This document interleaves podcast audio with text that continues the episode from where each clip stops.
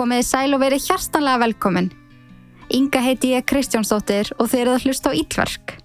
Hlaðvarpið sem hefur svalað forvitni Íslendinga um sannsöguleg sakamál síðan 2019. Ég fæ ekki leið á þessari setningu. Mér finnst ég alltaf langt yfir meðalagi töff þegar ég segja hana. Þessi þáttur er í bóði Sixt langtímalegu og giðja.is og þegar líður á þáttinn og það er komin tími á smá pásu því að ég lofa ykkur því þau munið þurfa pásu því að málið sem ég ætla að segja ykkur frá er sturdlað en þá mun ég nýta þá pásu í að segja ykkur betur frá þessum frábæru fyrirtækjum. Ég vil svo endilega fá að nefna ítlverk áskiptaleðina við ykkur. Sérstaklega núna meðan það kemur bara út einn frýr þáttur í mánuði. Þegar þið skráið ykkur í hana fáið þið aðgang að yfir 200 áskriftaþáttum og 5 nýja í hverju mánuði. Það kostar 950 krónur á mánuði að vera í ítverk áskriftinni og henni fylgir engin bending. Kíkja endil á þetta inn á ítverk.is og fáið ykkar glæpaskamt allt árið um kring. Svo er það reyndar eittan áður en við byrjum. Íngibjörg podcast. Þetta var alls ekki skipilagt eða svona allavega ekki meðvitað þar sem að ég vel alltaf töluna 19 þegar að kemur á dagsetningum. Svo að fyrsti þátturinn af glænýja podcastinu mínu kemur út í dag. Sama dag þessi. Svo endilega þegar þið eru búin að hlusta á Ídlark þátt dagsins, fletti þá upp Ingeborg podcast á veitunni sem að þið noti til þess að hlusta. Og aðtöði hvort að þetta sé eitthvað sem að þið getuð hugsað ykkur að hlusta í framtíðinni. Yngibjörg er hlaðvarp um vegferðina mína að því að ná stjórn á eigin lífi. Í þáttunum deil ég alls konar aðferðum sem að hafa virkað fyrir mig og hinnar ymsu hegðunar vennjur sem að ég er að æfa mig í að temja mér. Frestunar áráta, people pleasing, að lækna innra barn, skadli hegðun. Þetta eru dæmi um hluti sem að halda aftur að hamingi okkar og sömuleiðis hlutir sem að ég mun ræða í hlaðarpinu Yngibjörg. Kíkið endilega við og smetli á subscribe ef að þetta eru þættir sem að þið getur hugsað ykkur að fylgjast með. Ég er svo spennt og ég gjör svolítið brenn fyrir þessu. Svo vonandi munu þættirnir hvetja ykkur í að skoða, prófa eða vinna í hlutum sem að halda aftur að hamingi ykkar. En ok, þetta er allt sem ég vildi sagt hafa. Ég er ekkit eðlilega spennt fyrir því að segja ykkur frá máli dagsins. Svo buckle up eins og þau segja í útlöndum. Mál Susan Wright, betur þekkt sem The Blue-Eyed Butcher. Gjöru þau svo vel.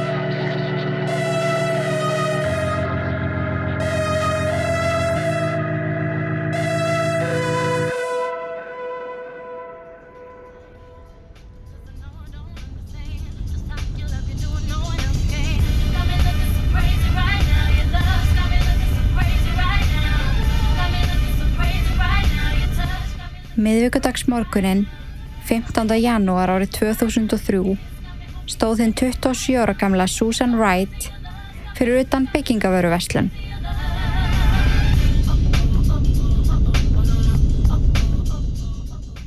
Það voru enn nokkra mínútur í opnun, en þar sem hún var búinn að skuttla sónum sínum, Cody og Bradley í leikskólan, vildi hún nýta tíman og ákvaða hingra bara.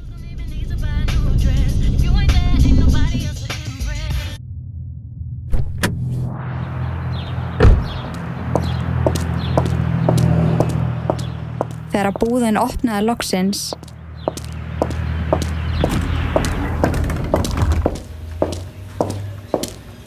Fór Susan inn og gekk beint að málingavöru deildinni. Hún stóði í örlittla stund og velti fyrir sér öllum litónu sem voru í bóði. Góðan daginn. Get ég aðstöða þig? Uh, já, ég ætla að fá tíu litra af af þessum lit. Já, ekkert mál. Ég greiða það fyrir þig. Ta takk hella. Susan benti á ljóskremaðan lit sem hún ætlaði að mála söfnarbyggi sitt í.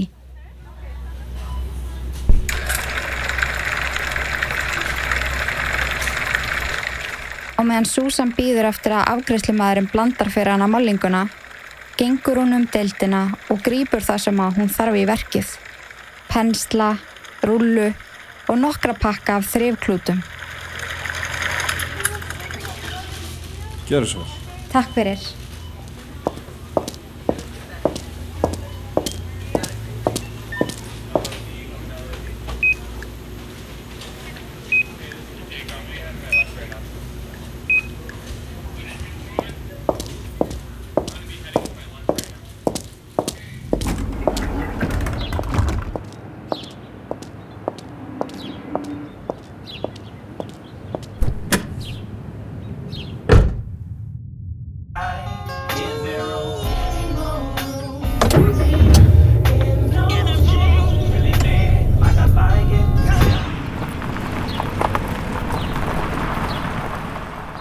Susan keirir að heimili sínu á 10822 Berry Tree Drive sem er staðsett nokkru mínútum frá byggingavöru versluninni í Houston, Texas. En þar bjóðum með eigimanni sínum Jeff, sonum þeirra Cody 14 mánada og Bradley 4 ára og Bordy Collie hundinum Vince. Susan eitti ekki tíma í að skera í kringum hvítu listana í söfnherberginu fjarlæga húsgögnin úr herbygginu eða í að setja plastúk yfir ljóskremaða teppið. Hún hóf strax handa, en það vildi hún klára þetta af sem allra fyrst. Henni var svo illt í líkamannum og hún var svo þreytt. Enda hafði hún eitt allir í nóttinni og öllum deginum á undan í að þrýfa hátt og látt. Hún hefði farið í gegnum 11 brúsa af klór, 14 pakka af hreinsiklútum og hún var laungu hægt að telja hversu margar ferðir hún hefði farið að fylla á skúringafötuna. Þegar Susan ítti rúmunu frá vegnum til þess að geta mála baku það, fjallist henni hendur. Hún sem hjælt að ljós krema að teppi í söfnherbygginu hafi sloppið nokkuð vel og hún hafi náða að þrýfa allt fullkomlega. En við henni blasti stór blettur í teppinu og slettur niður allan vekkin. Hún ákvaða að byrja á að reyna að þrýfa blettin úr teppinu áður en hún byrjaði á mollingavinnunni. En sama hvaða efni hún notaði og sama hvað hún þjöstnaðist á blettinum þá fór hann ekki. Þar sem hún hefði alls ekki tíma í þetta ákvað Susan að rýfa bara upp helvítist teppið. Það var hvort sem er komin tími á nýtt. Gjörsamlega að bugast úr þreitu náðu hún að rýfa allt teppið af söfnarbygginu sem hún síðan rúlaði upp og hendi út í bakarð. Þegar að teppi var loksins komið af, sletturna farnar og rúmið komið frá vegnum, sá hún ennit blettin sem að henni hafði yfirsjast. Rúmdínan var öll út í blettum og hliðinni sem að hafði snúðað vegnum. Susan hafði náð mjög mikið af blettum úr dínunni með aðferð sem að ammena kendani. En þessi, hann var pikkfastur enda búin að fá að liggja og þorna í dínunni. Susan ákvað þá að henda bara dínun út í bakar líka. Henni langaði ekkit að sofa á henni svona blettóttri og hún hafi hvort sem er velti fyrir sér í langan tíma að versla sér nýtt rúm. Dagurinn flög frá Susan. Hún var ekki enþá byrjuð að mála herbyggið og það var komin tími til að sækja krakkana. Hún vildi alls ekki hafa strákana heima því að henni fannst það ekki örugt svo hún fór og sótti þá og skuttlaði til fóruldra sinna sem að elskuði að hafa þá hjá sér og þeim var velkomið að vera hjá þeim yfir nótt. En þeim fannst samt mjög skrítið að Susan kæmi með þá á miðvíkudegi. Þá sérstaklega að hún hafi beðið um að þeir fengi að gista. Vanlega vildi hún hafa þá heima á virkundögum, skuttlaði þeim í leikskóla og sækja til þess að halda rútínu. En þau sögðu samt ekkert við hana en þeim fannst þetta virkilega skrítið og þegar Susan var farin rættu fóreldrar hennar sín á milli að þau hefðu ágjur af henni. Hún virkaði mjög þreytt og utan við sig. Eins og vanalega þá grunaði þeim að eigimæður Susan, Jeff, hafi eitthvað með ástand hennar að gera. Þeim líkaði ágætlega við hann en ef hún var búin á því eftir rifrildi þeirra á milli, þá var það nú alls ekkert nýtt. Hann var freka drikkveldur, dónalegur og átti það til að vera ofbeldisnegður. Fóreldra Súsan og í raun öll fullskildan hennar rætti það oft sín á milli að það væri bara tímarspursmál hvenar þau myndu skilja því að þau átti í raun enga samleið og rifust eins og hundur og köttur. Eftir að hafa komið krökkunum í örugt skjól fór Susan heim og gatt loksins byrjað að mála herbyggið. En það átti eftir að taka hana allt kvöldið og alla nóttina.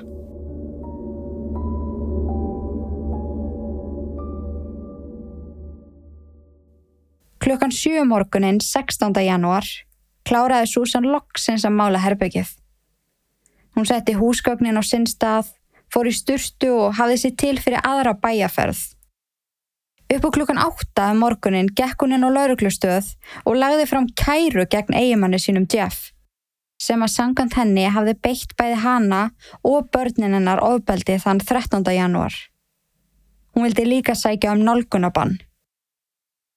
Samkvæmt skýslunni kom Jeff eiginmaðurinnar heim úr bokstíma, algjörlega út úr heiminum og kókaini.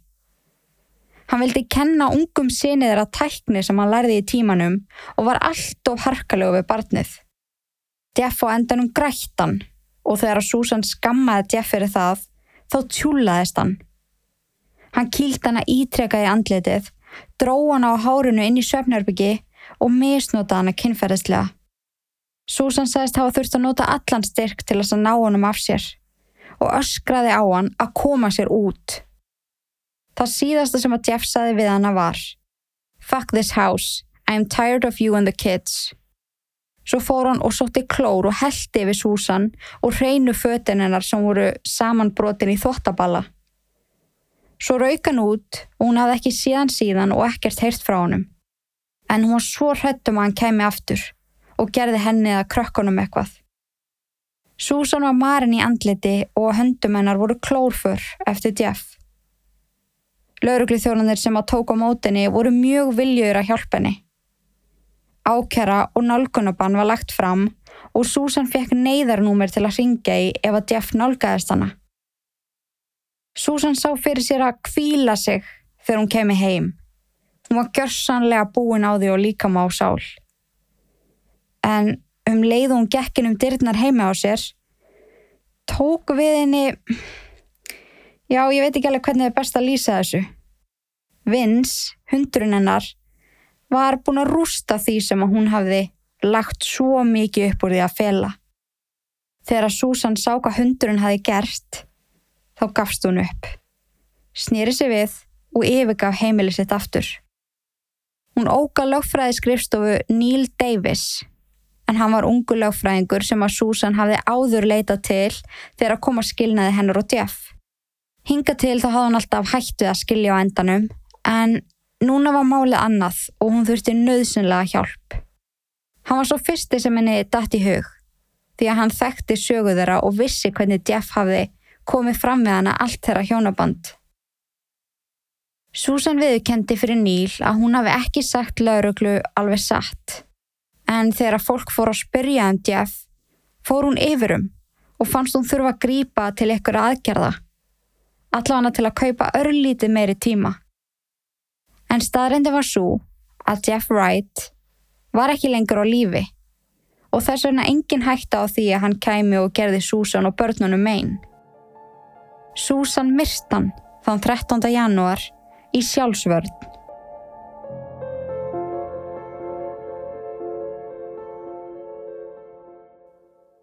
Það sem hún sagði lauruglu um bóksæfinguna og að hann hafi komið heim út úr heiminum á kókaini og verið harðhendu við svon þeirra var alveg satt. En hún náði aldrei að reka hann út. Heldur stakk hann í sjálfsvörn eftir að réðist á hana og misnúta hana kynferðislega. Susan viðkendi einni fyrir Níl að hún hafi þrifið upp allt blóð og að lík Jeff sé enþá heima fyrir. Níl þurfti samkvæmt lögum að láta lauruglu vita þótt að Susan hafi grátt beðan um að gera það ekki. Hún var farið til frekari yfirherslu og aðleiningar og laurugla fór að rætt heimilinu til þess að rannsaka hvað hafði átt sér stað. Laurugla sá fljótt að Susan var svona aðeins búin að skafa af sannleikanum og þeir skildu núna af hverju hún gafst upp. En það var það sem að tók á mótinni þegar hún kom heim fyrir um daginn virkilega óhugnalegt. En Susan hafði ekki tekið fram hvar lík Jeff var eða hvort hún hafi reynd að losa sig við það. En það kom fljótlega í ljós að hún reyndi það svo sannlega. Þegar laurugla fór út í bakarðin sáu þeir alblóðuga dínuna, upprúlaða kremaða teppið úr svefnherbygginu og lík sem á stóð hálft upp úr moldarhaug. En það allra versta var að vins, fjölskyldu hundurinn, var ástæða þess að líkið var hálft upp úr moldinni. Hann hafði grafið það upp og nagað af því hendina og þegar Susan kom heim fyrir um daginn lág hann á stofugólfinu með handleggi í kæftinum. Susan hafði falið líktjaf ofan í hólu sem hann gróf sjálfur nokkrum dögum áður en hann ætlaði sér að byggja pall í bakarðinum fyrir grill sem hann hafði nýlega keift. Hann var búin að móka fyrir stóðum pallsins og átt eftir að vestlinn steipu og timbur. En pallurum varð aldrei að veruleika. Og það kvartlaði líklega ekki að honum þegar hann mókaði þessa hólu að hann var í raun að grafa sína eigin gröf. Fljótlega varð heimilega glæpavettvang og egnin lokaða með gulu teipi. Viðamikil rannsók fór á stað og líktjaf var grafið upp og flutti krupningar. Þótt að Susan hafi lagt sér alla fram við að þrýfa, mála og losa sér við hluti, þá þurfti ekki að leita lengra en út í bakar til þess að finna blóðu úr dínuna og teppið. Kvítu listarnir í svefnarbygginu voru allir út í blóðslettum og sumulegðis loftið. Eitthvað sem að Susan hafi líklega yfirsjast. Það fundust svo tveir nývar á heimilinu sem að taldi voru líklegir sem morðvopn í þessu máli.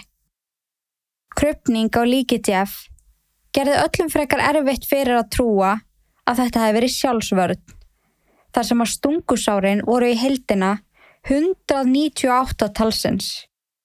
Um báða úrleðitjaf var búið að binda bindi, aðsinn jakkafattabindi tjaf og um báða fætur hans var búið að binda bönd af baðsloppum.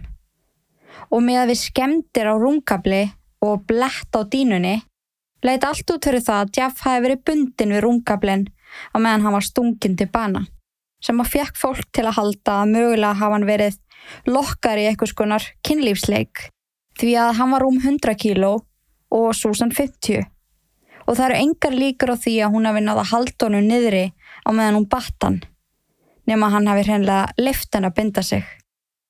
Það var einnig búið að hella rauðu kerstavaksi yfir tippið og pungin, náran og innanverði lærin og sumulegis búið að skera 40 sinnum í kinnfæra svæðið.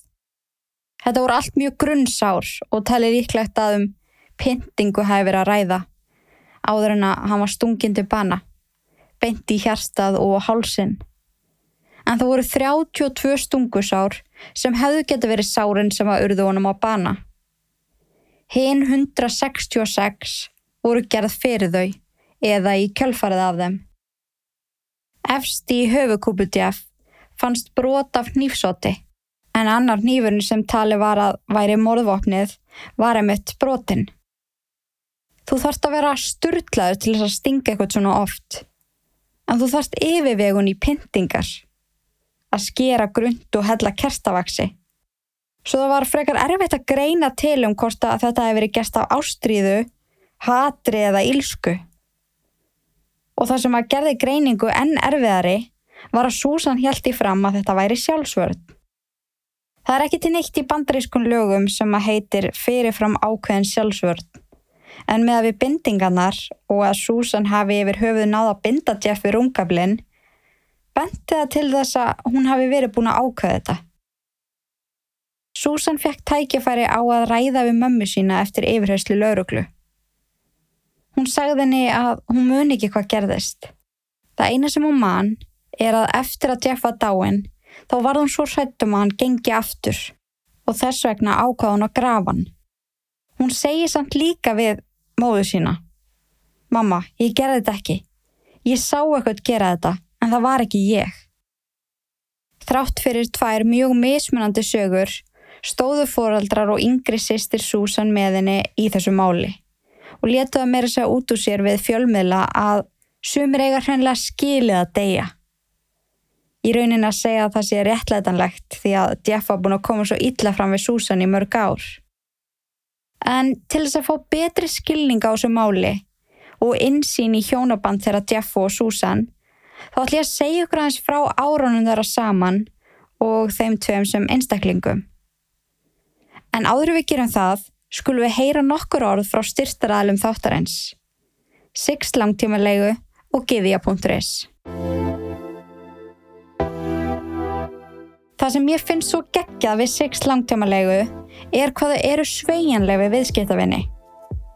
Ægir maður hefur svo oft heyrst reynslusögur af fyrirtækjum sem eru svona computer says no og það er svo leiðilegt og ángríns maður verður svo full bara í alvöru langar ykkur ekki að halda í veist, er það það sem þið viljið?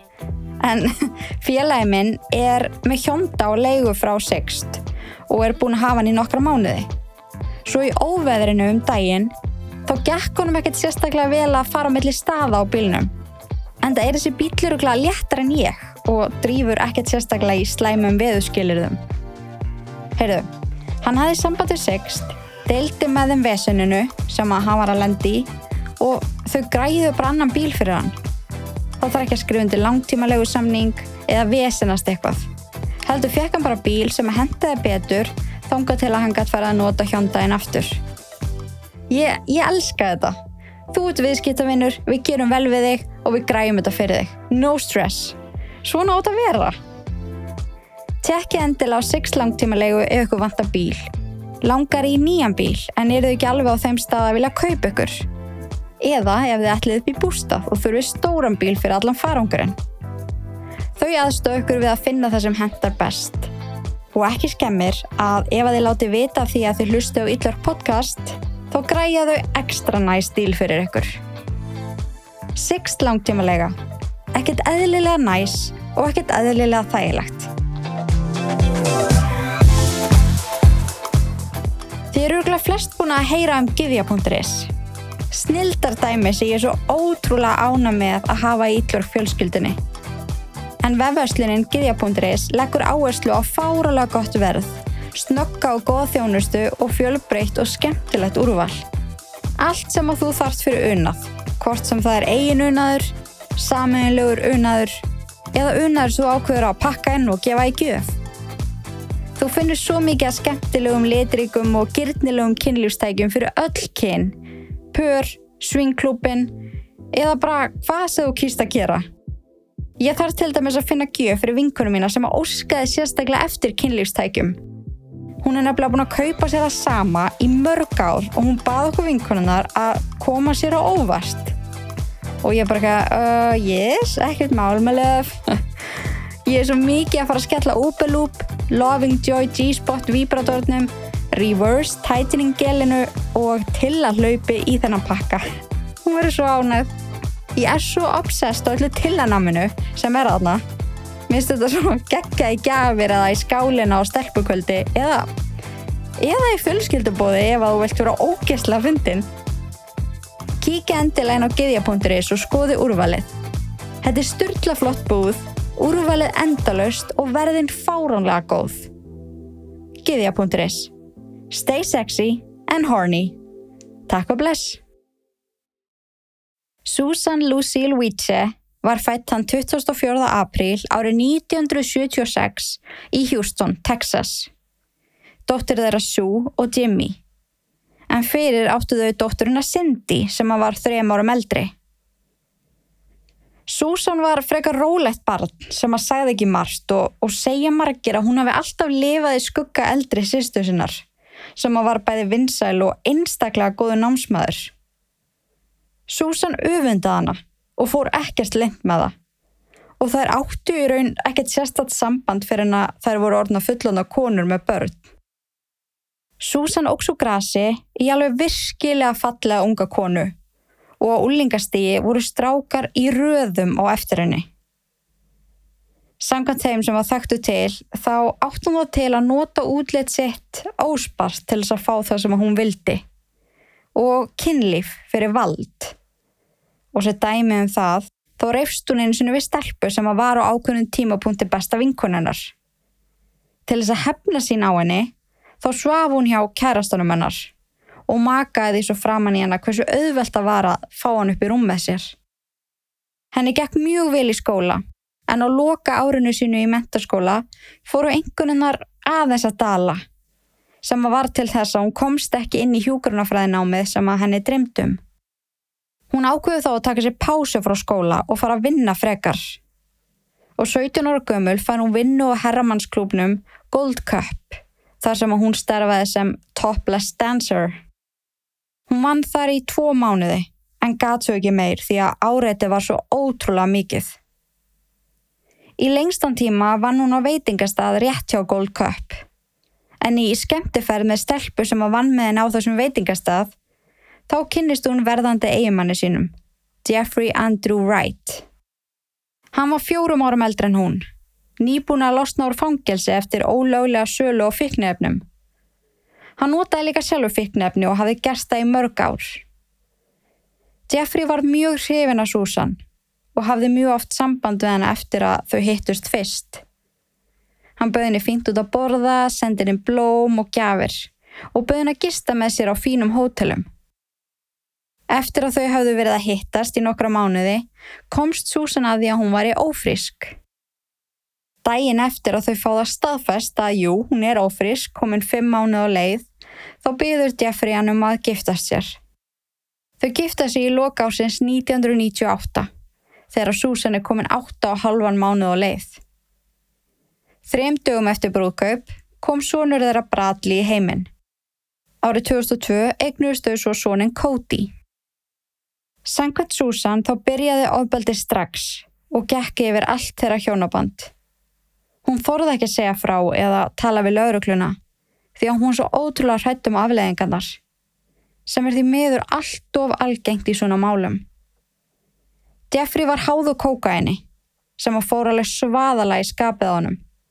En Susan lýsir kókain reyðikostum hans eins og styrlun yfirtakjan og allt sem var fyrir honum brotnaði að skattaðist. Hann misnútaði líka áfengi og var í mörgum ástasamböndum utan hjónabands, bæði á internetinu og með konum sem hann hitti á skemmtustöðum og í gegnum vinnuna. Susan hugsaði oft með sér að hún þyrti að fara, en eins og ég segi þá þorði hún aldrei að láta neitt verða úr því. Og þetta stigmagnaðist bara til ársins 2003. En Susan segir nokkrar sögur af kvöldinu örlaríka, kvöldi sem að Jeffrey var myrtur. Fyrsta útgáfa hljómaði þannig að hann kom heim brjálaður eftir bóksæfingu, mitti yngri són þeirra og reykti meðirðum í Susan þegar hún sagði honum að hann yrði að fara ef hann ætlaði að haga sér svona, dró hann hann á hárinu inn í Söfnirbergi og hrindi henni á rúmið. Hún var svo hrætt að hún lokaði augunum, en þegar hún opnar þau aftur, er Jeff með í hendinni og hóttar að drepa hana. Hún sparkar þá í pungin á hann með öllu afli og nær þannig hnípnum af honum. Hún fer ofan á hann og stingur og stingur og stingur. Eins og hún segi sjálf, ég stakk eins oft og ég gatt, Ég gati ekki hægt að stinga því að ef að ég hefði gert það ótaðist ég að hann myndi taka með hnífin og drepa mig.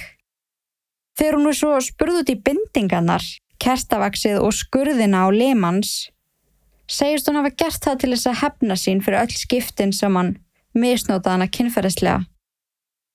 Önnur útgáðan byrjaði eins og hinn, nema að þau endu upp í rúmi að stunda mjög harkalett kynlíf. Þegar Jeff var sopnaður fann Susan fyrir svo miklu hatri að hún ákvaða bindan, pinta og stinga síðan til bana. Og ég verð að segja, ég trúi Susan að hann hafi verið umulugur eigumæður sem að beitt hann á ofbeldi. En það hjálpar málenar vissulega ekki að frásagnir hafi verið mismunandi. En maður verður auðvitað að taka með henni í dæmið að hún var í miklu sjokki og ef hún var búin að þóla ofbeldi í mörg ár í hjónabandi sínu getur verið að hún hafi þjáðast að PTSD eða áfallastreitur öskun sem að getur vissilega haft áhrif á minnið. En við fáum auðvitað bara að heyra hennar hlið. Susan var ákjær fyrir morði á Jeffrey og hófust réttahöldanar þann 24. februar árið 2004 og eru þessi réttahöld ein umtöluðustu í sögu bandreikjana. Ekki því að þetta mál skar sig eitthvað sérstaklega frá öðrum morðmálum. Heldur út af því hvernig saksóknari, fröken Sigler, fór með völd sín í réttasal. Ég persónulega hef aldrei séð svona áður og ég hef horst á mikið af réttahöldum, En þessi kona ætlaði svo sannlega að negla Susan. En það var komið með hjónarúmið og dínuna sem að Jeffrey var stungin til bana í inn í réttasalinn. Og Sigler, saksóknari, síndi það með mótleikara hvernig Susan batt Jeffrey fastan við rungaflinn, settist ofan á hann og stakk ítrekað. Þetta var mjög grafist að sjá þarna blóðu að dínuna og hún að sína nákvæmlega hvernig Susan fór að þessu. Saksóknir segir einni frá því að nokkrum vikum fyrir morðið hafi Susan átt við líftryggingu Jeff og stóð hún svo að ef hann fjalli frá þá fengi hún greita út 200.000 dollara eða rúmar 30 miljónir íslenskar. Saksóknari hjælti líka fram að Tár Susan varu gerfi. Hún var í svaðalega leikona og legari að guðsnáð kona sem að þóttist hafa orði fyrir ofbeldi en aldrei sagt neinum frá eða ringti á lauruglu. Engin hafi nokkuð til mann sé áverk á henni og morði á Jeffrey var svo langt frá því að vera sjálfsvörð. Hún pintan, stakkan svo, uppfull af hatri. Ef hún hefði gert þetta í sjálfsvörð, hefði hún bundið hann og hlaupið svo í burtu með börni sín tvö. Síkler kom síðan með fáránlegt komment um að Hún hafi einu sinni starfað sem topless dansar og þess vegna hafi hún minni standarda og það sé ekki að treysta orðum hennar. Hún sé bara á eftir peningum. Kinnlífs og peningasjúkur satisti. Hún lokkaðan, battan, pinti, stakkan, rúlaði hann svo út á trillu sem hann var til á heimilinu og gróf hann í gröf sem hann gróf sjálfur. Það er kallt. En það er Susan, a blue-eyed butcher eins og Sígler segir, en þaðan kemur einmitt þetta viðunöfni sem að loðir enn við Susan í dag. Þó að það sé vissulega stærst að draga alvöru rúmið þarna inn, þá finnst mér allt sem að þau segja um karakter Susan eða um að hún hafi starfað sem dansari nú frekar innihalslaust. Þau vita hann skotan ekkit hvað hann gerðinni. Hún mistan, það leikur engi vaf á því, en allt málið í kringum þetta og hvernig saksóknari dregur allt sem hún segir Eva, að ég veit það ekki, þetta var rosalega langt gengið allt saman. En verjandi Susan bendir einmitt á það að þú þurfur að vera ansi brjálaður til þess að stinga eitthvað 200 sinnum. Það var greinilega mikil reyði og Susan komi nóga því að vera fórnalamp. Hún myrst hann til þess að verja sjálfan sig og börnin sín. En það var mikill minni hluti sammála því. Þann 3. mars árið 2004, eftir að hviðdómur hafði fundað í 5 klukkutíma, var dómur hinnar 28 ára gömlu Susan Wright hveðin. Hún var dæmt í 25 ára fangelsi en árið 2014 þá var dreyið af henni 5 ár út af þá voru fleiri vittni sem að stegu fram, til dæmis fyrirrandi kærasta Jeffrey sem var sagði að hann hafi líka beitt hann á ofbeldi. Þannig að málinn voru endurskoðuð og dómurinn var stittur. Og í bæðiskiptin þegar hún fekk að heyra dóminn sinn þá var Susan algjörlega sveiplaus. Þótt að manni líði eins og þetta sé ekkert það gamalt mál, þá eru 20 ár liðin fara að hún var dæmt fyrir morðið. Og eins og ég segi, þá fekk hún bara 20 ári í heldina. Þannig að Susan Wright var látin laus þann 30. desember árið 2020, þá 44 ára gömul. Það er til ein mynd af henni þar sem að hún er að fara út í búð og það eru ljósmyndar á eftir henni og hún grátt byður fólk um að plís láti hann að vera, láti fjölskyldun að vera, hann er langa bara að lifa í friði. Og síðan þá hefur ekkert sérst til hennar og hún lifi bara eitthvað staðar, öruglöndi fölsku nafni. Ég veit ekki af hverju en þessi kona minni mig svo rosalega mikið á Jodi Arias af því að ég trúi því allan tíman að Jodi Arias hefði verið dregin á astnæronum af hvað heit hann, Travis Alexander. Ég trúi því alveg að hann hafi verið svona haldið mér sleftu með leikveðan og hún hafi á endanum bara tröflast en það eru auðvitað andlega veikar fyrir en það er minna mér rosalega á hvora aðra. Og ég trúi því alveg að Jeffrey hafi verið anstíkilegu við Susan og hún hafi snappað. Þótt að réttlæti auðvitað ekki morð. En það væri ótrúlega gaman að vita eru þið sammála mér? finnst ykkur þessi kona ekki minn ykkur pínu á Jodi Arias? Þetta var hefði styrlaða mál Susan Wright The Blue Eyed Butcher. Þúsund takki fyrir að hlusta og takk fyrir að vera til. Og þanga til næst, í guðanabænum forðist öll ítverk, nema þetta podcast. Verið sæl. Haugur, take it away.